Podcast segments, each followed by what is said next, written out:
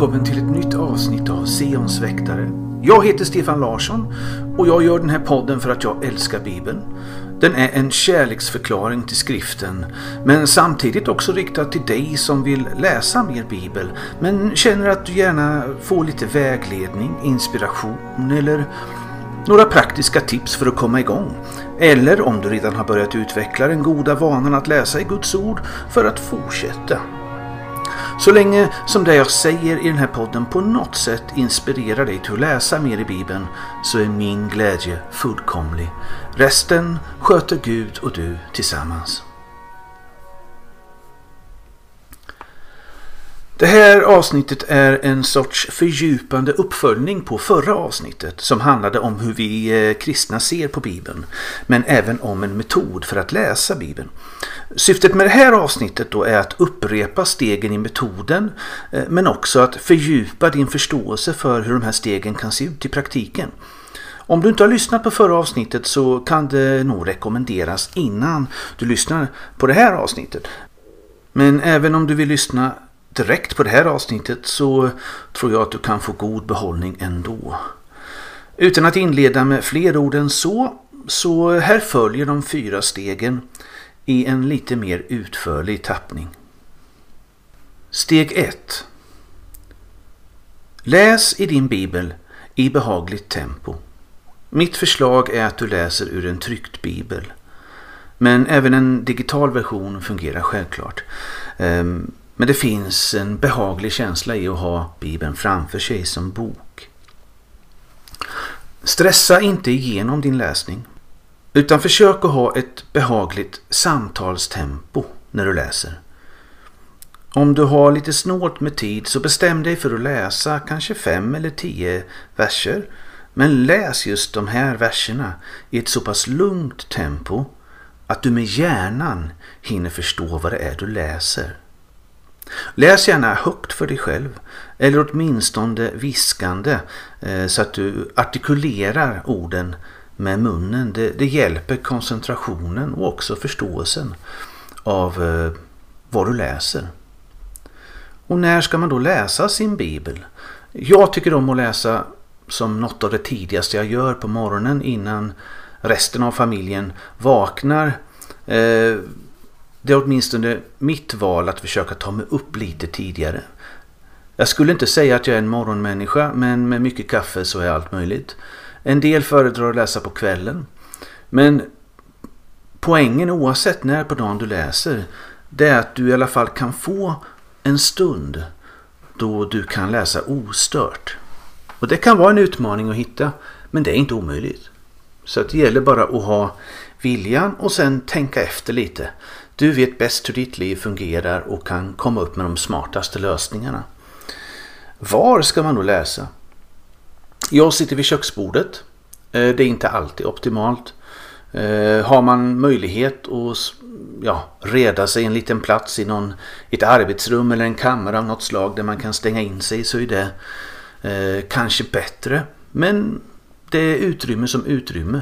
Men det kan finnas en, en fördel om du ändå, vilken plats du än väljer, sitter vid samma plats varje dag.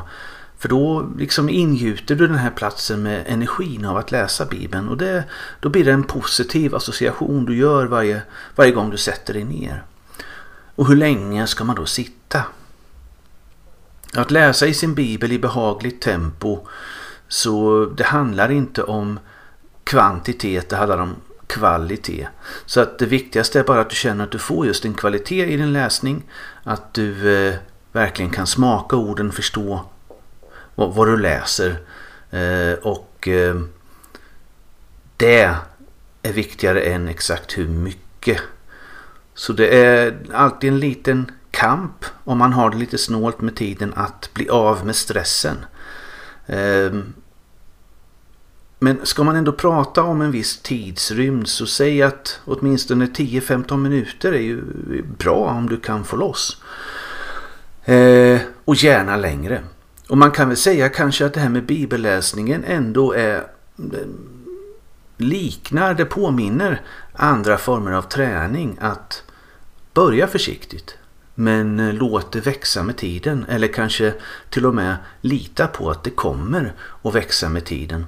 För det har också lite grann med förtrogenheten i att bibelläsningsmetoden fungerar. Ju mer du själv får känna glädjen i det här sättet att läsa och märker att din förståelse ökar så kommer du också, om man får uttrycka det så, fastna i bibeln lite mer och inte kanske släppa den ifrån dig lika lätt. Men så här i början, om du precis håller på att komma igång med din bibelläsning, då är det viktigare att du övar upp en regelbundenhet än att du sitter en längre tid. Eh, men eh, inte för att det ska vara en måttstock men jag brukar lägga lite mer tid på lördag morgon eller söndag morgon om jag kan. Och då kan jag ibland sitta med Bibeln i två timmar kanske. Ehm, och då som sagt, då kan jag också sitta och låta flera av de här stegen som jag nu presenterar eh, ta plats.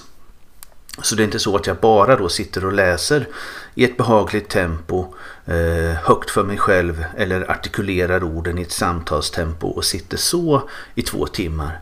Utan då börjar jag också växla in lite på de andra stegen.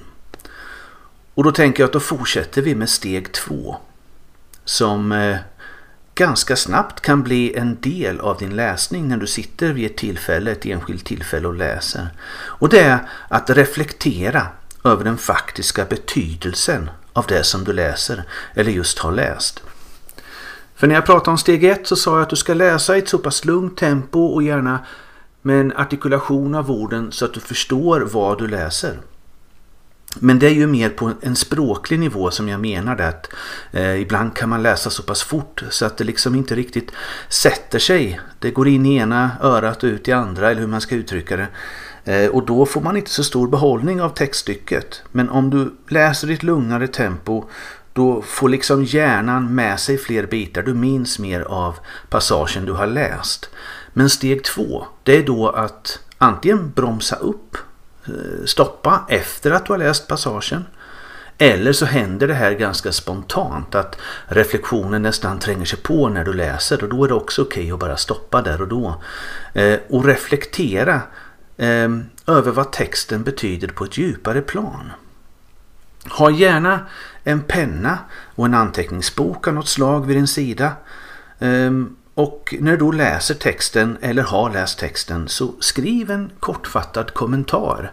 Om du inte spontant får de här tankarna eller reflektionerna, dina egna frågetecken som bara dyker upp, så försök då själv att lite mer metodiskt vrida och vända på texten du har läst tills du blir liksom ja, får närkontakt med något sorts eh, ja, antingen en, en fråga som du känner att det här vet jag inte vad jag ska svara på. Skriv då ner den frågeställningen och bär med dig den i din fortsatta läsning. Eller en plötslig insikt. Ah, du ser någonting i texten nu när du vrider och vänder på det eller tuggar texten flera gånger. Eller bara liksom pausar och ger utrymme för hjärnan att hänga med lite bättre. Skriv ner det då också. Men skriv i korta kommentarer. Det här är inte tänkt att bli någon sorts litteratur för eftervärlden.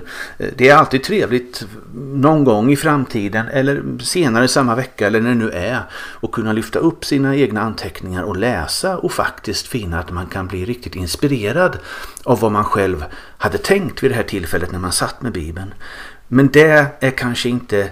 Det, det är en det är ett trevligt resultat, en biprodukt och en bonus men det är inte det främsta skälet till att skriva. Utan skrivandet fyller sitt syfte där och då vid själva läsningen när du sitter där med Bibeln. För det hjälper helt enkelt eh, dig själv att gå lite djupare och låta ordet få sjunka ner lite djupare i hjärtat. Har du inte penna och anteckningsbok eller känner att det inte riktigt fungerar för dig Eh, så är det mest grundläggande att ändå bara stanna upp i läsningen och fundera, reflektera för dig själv kring det som du har läst och se vad reagerar du på egentligen? Det är reflektionen i sig som är det viktigaste och den är nyttig oavsett hur du gör.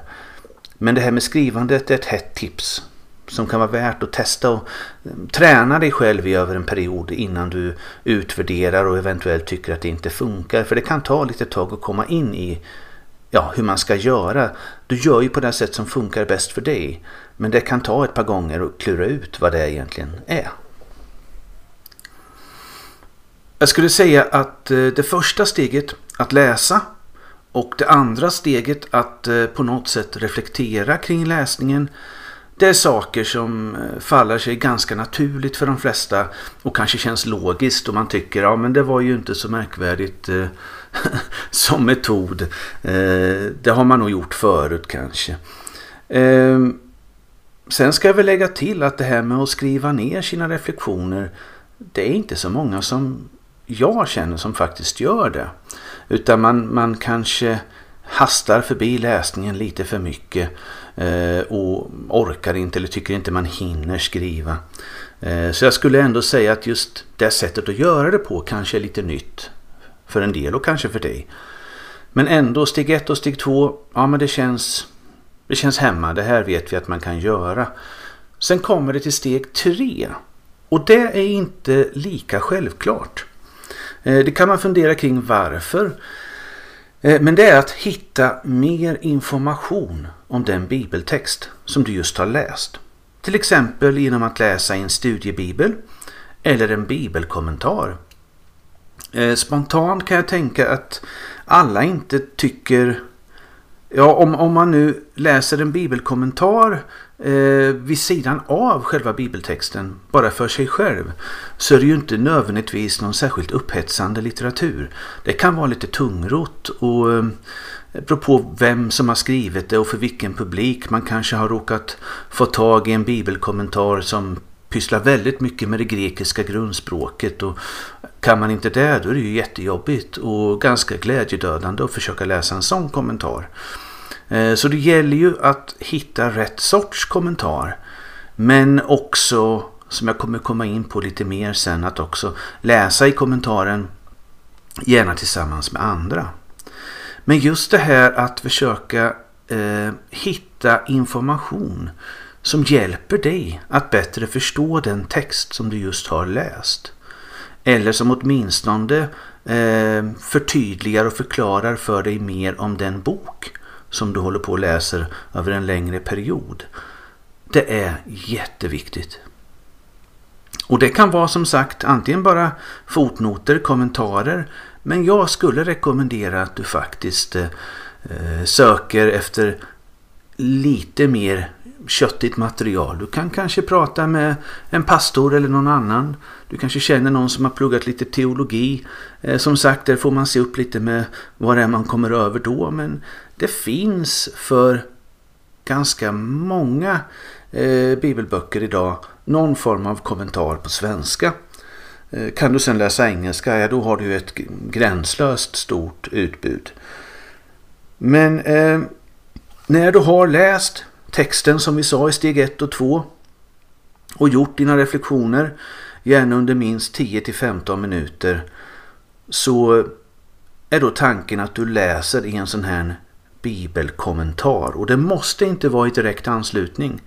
Eh, har du knappt om tid just då när du har läst bibeltexten så kan du förlägga det här tillfället med att läsa en bibelkommentar eh, vid något annat tillfälle. Det kan vara samma dag. Det kan nog vara bra om du har en daglig läsning så är det trevligt att få lite kommentar eller feedback eller undervisning på just den bibelpassagen samma dag innan man fortsätter eh, med sin läsning dagen därpå. Men det är inte jätteviktigt att den här bibelkommentaren du läser eh, måste rikta in sig specifikt på de verser du läser en viss dag.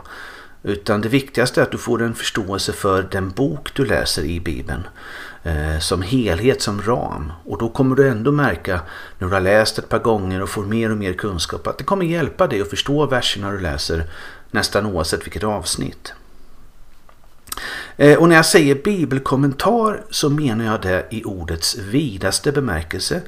Eh, det går också väldigt bra att eh, lyssna på en Youtube föreläsning eller någon form av eh, videomaterial eller en eh, en ljudfil från någon eh, pastor som har förkunnat om den här bibelpassagen eller bibelboken eller vad som helst egentligen. Ehm,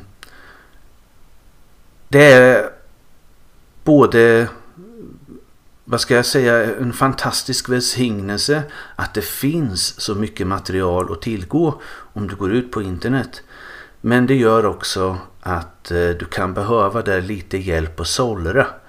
För tyvärr, eh, ja, jag skulle väl inte säga direkt att jag lägger min egen podd här i, eh, Eh, i gruppen av högkvalitativ undervisning. Även om jag hoppas att det här är inspirerande och, och, och hjälpande på olika sätt. Men det finns mycket material på internet som jag skulle säga är dåligt och kanske till och med farligt, vilseledande. Ehm, det finns många olika eh, religiösa grupperingar eller traditioner eller inriktningar med kristliga förtecken eller utan som gör anspråk på att kunna tolka Bibeln så att risken är stor om man bara skriver in en bibelpassage att eh, det kan dyka upp allt möjligt. Så har du någon särskild person eller någon särskild församling eller någon särskild kontext där du vet att härifrån brukar jag uppskatta det material som kommer. Och även eh, titta i din egen hemförsamlings undervisningsbank om de har någonting på nätet eller någonting skrivet. Så börja hellre där. Eh, känner du att du inte riktigt vet vart du ska börja, prata med lite folk omkring dig och få lite tips. Men sen testa dig fram och försök känna in. Eh, men det här materialet, vare sig du läser det direkt i anslutning till din bibelläsning och din reflektion eller om du gör det vid ett separat tillfälle så är det här lite grann nyckeln för din bibelläsning.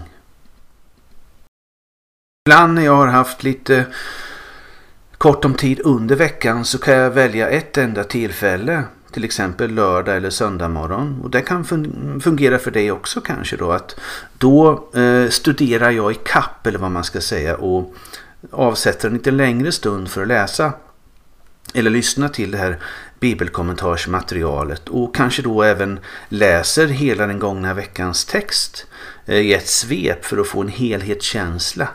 Eh, det funkar det också. Så själva syftet är bara att du bit för bit ska lära dig mer och mer om bibeltexten du läser. Och ganska snart så kommer du märka hur dina nya kunskaper kommer med dig direkt när du går in i bibeltexten. Det är en häftig upplevelse. Du börjar få grepp om bibelfärden så att säga. Eh, och här vill jag också lägga till att det är underbart att ha några personer att läsa bibeln tillsammans med. Någon eller några som du kan prata med då och då. För de blir som en sorts levande bibelkommentar. För de kommer hjälpa dig att se saker, lägga märke till saker som du själv har missat i din läsning. Och de kan ha kunskaper om vissa bibelverser och så vidare eller begrepp och annan information som du själv inte har eller inte har hunnit läsa om.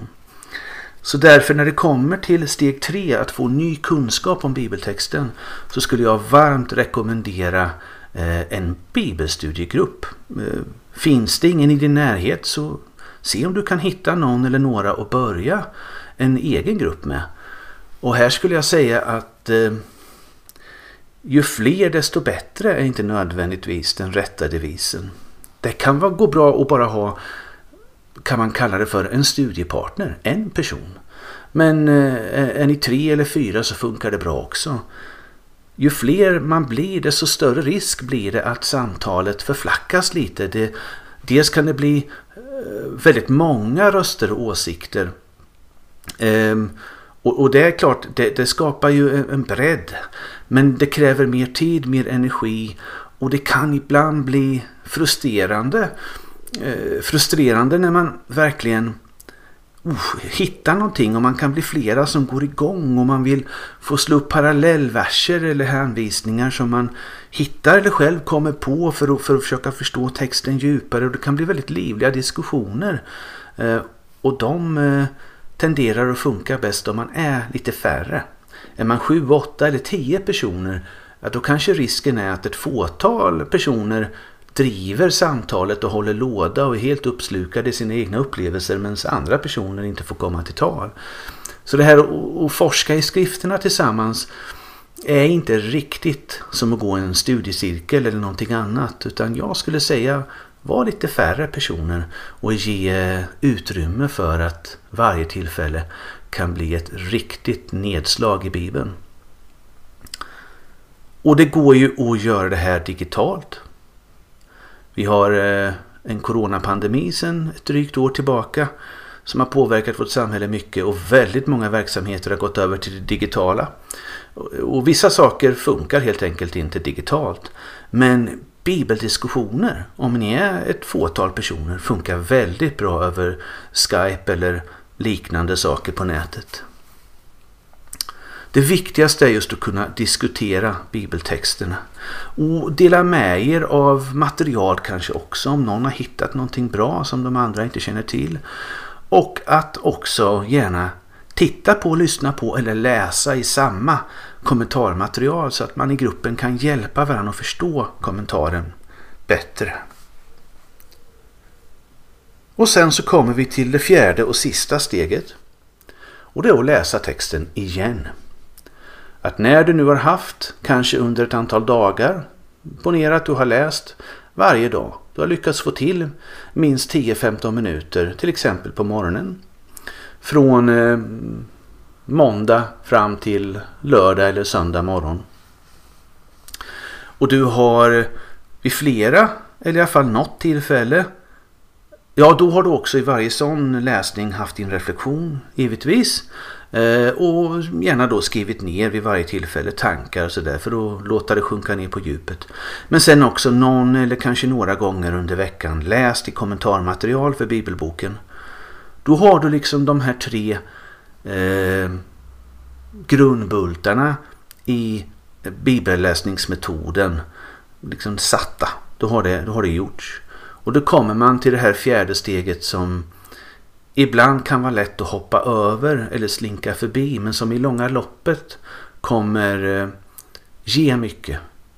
Det är att du hittar ett tillfälle då på söndagen kanske då du kan lägga till den dagens eh, nya läsning men du gör det då som en, eh, ett appendix nästan på den gångna veckan. Du läser hela den gångna veckans segment en gång till och då även den nya texten i det. Och läsa på det sättet någon gång i veckan och liksom få smaka hela bibelpassagen man har brottats med under veckans gång. Det är ju som vilken annan information som helst. Eh, vilket mail man kan få med instruktioner eller eh, vilken text man än kan läsa med fakta eller vad det nu är för någonting som man försöker ta till sig att det kan krävas att man läser texten flera gånger. Och det är detsamma med Bibeln. Och det är inte att likställa Bibeln med en faktatext, det är inte så jag menar. Utan eh, grundbulten för vår bibelläsning är att det är Guds ord. Men det är ändå också information. Det är språk. Så att eh, läsningen av Bibeln för dig och, och för hjärnan funkar på samma sätt. Så att för att du verkligen ska ta till dig och, och minnas och förstå texten bättre i sin helhet. För minne och förståelse hänger ju ihop. Har du, har du den här andra genomläsningen, steg fyra, då, då kommer fler bitar falla på sin plats. Och då minns du texten bättre för framtiden. Och det påverkar din läsning av under kommande veckor av samma bibelbok.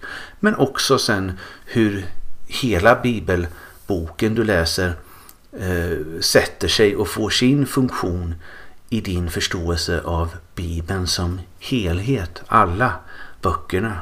Den stora berättelsen. Så eh, läsning i Bibeln, tryckt Bibel, en bok och kanske läsning av kommentarer och så vidare. Väldigt textorienterat. Det är väl det sätt som har fungerat för mig som jag helst använder Eh, ska inte säga att jag är en dålig lyssnare. jag kan lyssna. Eh, men jag föredrar att ha texten framför mig för ibland så är jag lite tankspridd och då är det lättare att gå tillbaka och, och plocka upp i den vers man var eller i det stycke i kommentaren där man råkade dagdrömma eller någonting annat. Va? Men eh, en del personer är precis tvärtom. Eh, känner att, eh, att lyssna funkar bäst. Och då går det ju lika bra att göra alla de här stegen i ljudformat.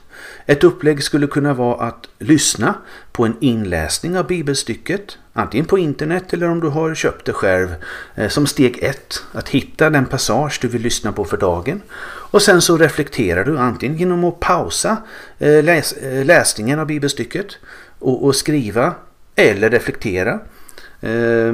Eller så eh, lyssnar du klart på hela stycket och sen så gör du din reflektion. Och sen vid antingen i anslutning till läsningen eller vid andra tillfällen under veckan så kan du lyssna på undervisning på internet om det lästa bibelstycket. Och sen sist i en veckocykel då så kan du lyssna på samtliga texter i ett sjok, ett större segment från den gångna veckan och eh, låta lyssningen genomsyras av de här nya kunskaperna och insikterna som du har gjort eh, i reflektion och i att du har tagit del av undervisning och förhoppningsvis genom att du också då har haft samtal med andra kristna vänner om just de här bibelstyckena som du läst under veckan. Om du huvudsakligen läser texten i Bibeln så vill jag tipsa om att du kan upptäcka nya saker när du lyssnar till en uppläsning av samma text. Eh, om du vill och har möjlighet så skulle jag därför vilja rekommendera att du både läser och lyssnar till samma bibeltexter. Så jag kan på morgonen läsa, låt säga till exempel, ja men det är första kapitlet i första Johannesbrevet, då läser jag det. Men sen har jag det på ljudfil också och senare under dagen om jag cyklar eller promenerar eller rör mig på något sätt ute där jag inte behöver tänka särskilt mycket, ja men då slår jag på det och lyssnar på det också. Så att det här med att läsa och lyssna, Eh, det bästa är om vi kan växla, alternera mellan de två formerna för de berikar varandra. Det är lite olika delar av hjärnan som funkar när du ser en text jämfört när, eh, med när du lyssnar till den. Så att det är det ultimata om du med steg ett, själva texten, både kan läsa och lyssna till den även om du gör det vid helt olika tillfällen. Och Jag nämnde också på steg tre att du gärna får ha kristna vänner som du diskuterar bibeltexten med. Och den här processen av steg för att läsa Bibeln går ju också gärna att göra tillsammans som en, en bibelläsningsprocedur i grupp vid ett eh, enskilt tillfälle. Och då kan ni ju samlas och då börja med att eh, högläsa ett bibelavsnitt. En person eller om ni turas om läser texten högt och sen kan var och en för sig själv reflektera, man kan göra anteckningar medan texten blir uppläst. Eller så gör man det efteråt, men man har en stund av reflektion. Och sen så samlas man och pratar tillsammans om det lästa stycket. Då vad man har fått för egna tankar, men sen gärna att man kan låta det segmentet få vara en lite längre stund då man slår upp en kommentarbok som man läser tillsammans eller någon har med sig en studiebibel och kan läsa högt ur några fotnoter eller kommentarer till, till det här stycket man läser. Och så får alla ta del av det och diskutera den kunskapen också. Och sen på slutet så kan man tillsammans högläsa texten en gång till. Så oavsett om vi läser eller lyssnar själva eller läser högt tillsammans i grupp så är själva kärnan i metoden återigen alltså samma saker här. 1. Bibeln. 2. Reflektion. 3. Kunskapsinhämtning. Och 4. Bibeln igen. Bibeln är mäktig och det finns en oerhörd kraft där. Men man måste också upptäcka hur man kan klyva Bibelns atomer så att säga för att lösgöra den kraften. Åtminstone har det varit så för mig. Den här glädjen som jag har idag i att läsa Bibeln kom inte automatiskt när jag började läsa Bibeln. Tvärtom så var Bibeln under många år en text som var så svår att förstå att jag faktiskt undvek de flesta delarna av den, särskilt det gamla testamentet. Jag var lite som den etiopiske hovmannen i Apostlärningarna 8 när Filippos frågade honom om han förstod vad han läste så svarade han ärligt Hur skulle jag kunna det om ingen vägleder mig? Och just så är det. Vi behöver alla vägledning för att kunna drabbas av Guds ord i Bibeln. Och det blev faktiskt mitt stora genombrott. Förståelsen av att jag inte kan läsa Bibeln ensam utan att ha rätt eh, förkunskaper. För det är en myt att vi bara kan förstå Bibeln på egen hand, bara slå upp den där vi sitter vid vårt köksbord eller vart vi nu sitter och bara läsa. Vi alla behöver få Bibelns texter förklarade för oss. Och för min egen del har jag nog främst fått min hjälp genom att läsa böcker om Bibeln. Och då kan jag ta del av författarens insikter och kunskaper Eh, och det hjälper mig sen i min egen bibelläsning. Och jag har lyssnat på många föreläsningar på podcast, Youtube och på olika andra sätt. Och jag har haft samtal, har ofta samtal med goda vänner eh, som har studerat samma bibelpassage som jag. Men poängen är att Bibeln till sin natur är dialogisk. Först och främst givetvis en dialog mellan dig när du läser och Gud. Men ju fler människor som blir involverade i den här dialogen, om det nu är författare, förkunnare, lärare, vänner, pastorer, bibelstudiegrupper eller vad det nu är för någonting, desto rikare och djupare blir vår förståelse av Bibeln. Så ett minimum är att du har någon form av kommentar eller undervisning vid sidan av din bibelläsning. Det är det här som jag då har kallat för steg 3. Men ju fler källor eh, som du kan få ny information ifrån, ju fler personer du kan vrida och vända på bibeltexten tillsammans med, desto mer näring kommer du att få ur Guds ord. Avslutningsvis så vill jag ge dig två råd. Eh, utöver själva metoden. Två tips från coachen för hur du ramar in de här fyra stegen av bibelläsning som jag just har pratat om. De fyra stegen är, låt oss kalla dem själva fordonet i din läsning. Men mina två avslutande tips kan bli liksom vägen du reser på. Om vi talar metaforiskt. Det handlar om lite riktlinjer för hur du gör de fyra stegen. Hur är lika viktigt som vad. Och nu kanske du tänker, ja men Stefan, du har just pratat om hur väldigt länge.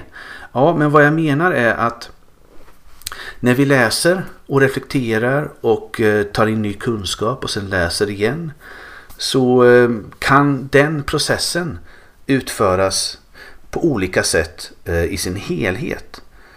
Vad jag menar är, hur väljer du text? Hur ser det ut från vecka till vecka, månad till månad, år till år? Och det är här de här tipsen kommer in. För det gör också skillnad i långa loppet. Det första är just att ha en daglig läsning. Jag pratade om det tidigare, 10-15 minuter är ett bra minimum eh, att komma igång med.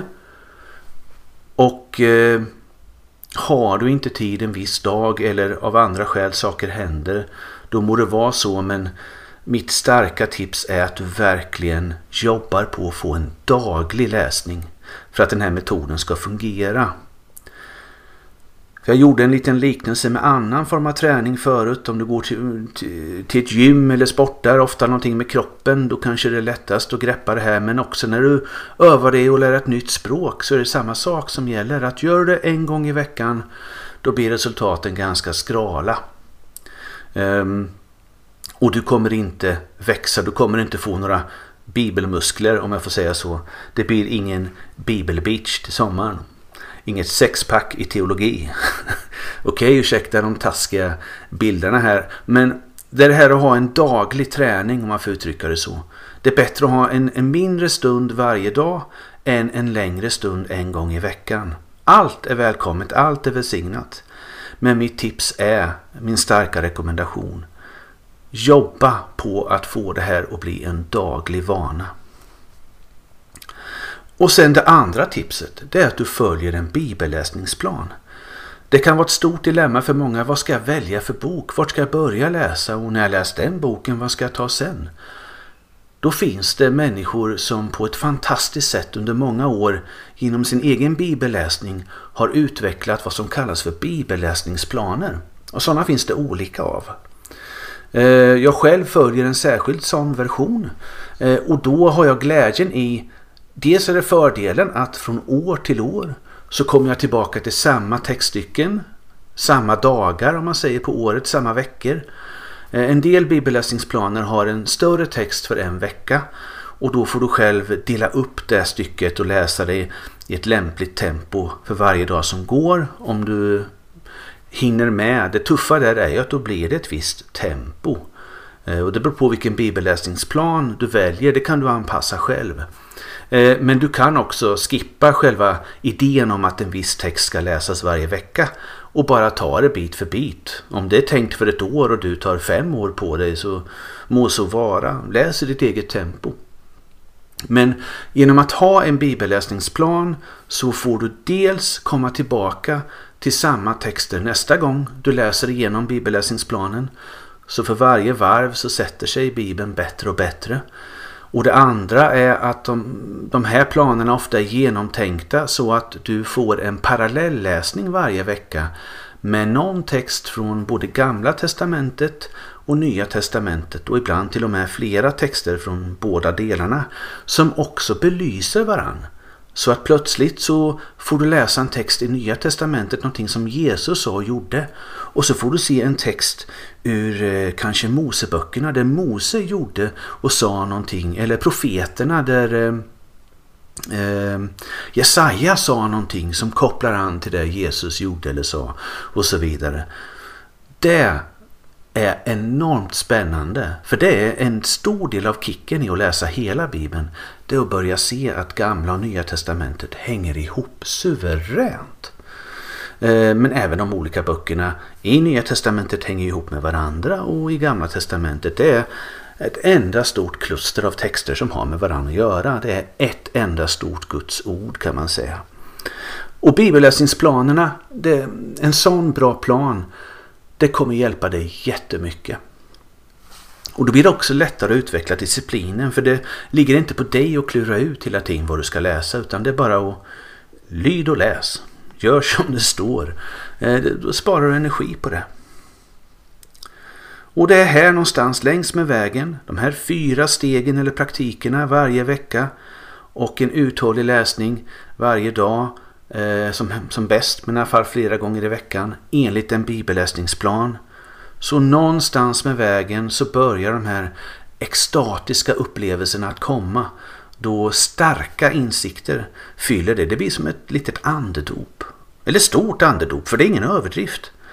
Eh, varje uthållig bibelläsare som jag känner kan själva vittna om otaliga tillfällen då de bara inte kan vara tysta om det som de har funnit i sin bibelläsning. Det liksom bubblar över och det är en glädje. Bibeln blir i ett ögonblick så starkt levande att du glömmer bort dig själv och du fylls med ordets ande. Det är ett andedop. Ditt hjärta svämmar över. Och precis som när Filippos hade förklarat Jesaja-texten för den etiopiska hovmannen i Apostlärningarna 8 då det står att hovmannen både lät döpa sig men sen också fortsatte sin resa full av glädje så får nu även du fortsätta ditt liv, ditt vardagsliv med en helt ny glädje inombords. Du får säga tillsammans med Emmausvandrarna i Lukas 24 Brann inte våra hjärtan i oss när han talade med oss på vägen, när han öppnade skrifterna för oss? Den här metoden med de fyra stegen som jag gått igenom, det kräver en viss ansträngning, precis som alla fungerande metoder gör, för att du ska lära dig mer om Bibeln och dess innehåll. Men belöningen, avkastningen är enorm. Och även de dagar då du inte drabbas lika starkt, så är det ändå alltid spännande att stiga in i Bibelns värld. Så länge som du förstår vad du läser. Det är nyckeln. Så nu, som det absolut sista ordet för båda de här avsnitten eh, som jag nu har gjort om en metod för bibelläsning, så vill jag sammanfatta på det här sättet. Påminn dig själv om miraklet av att hålla i Guds ord när du håller i en bibel. Gräv dagligen i Bibelns ord. Gräv tillsammans med andra Kom tillbaka igen till de texter där du redan har grävt en gång eller flera gånger tidigare. Och var välsignad. Guds frid.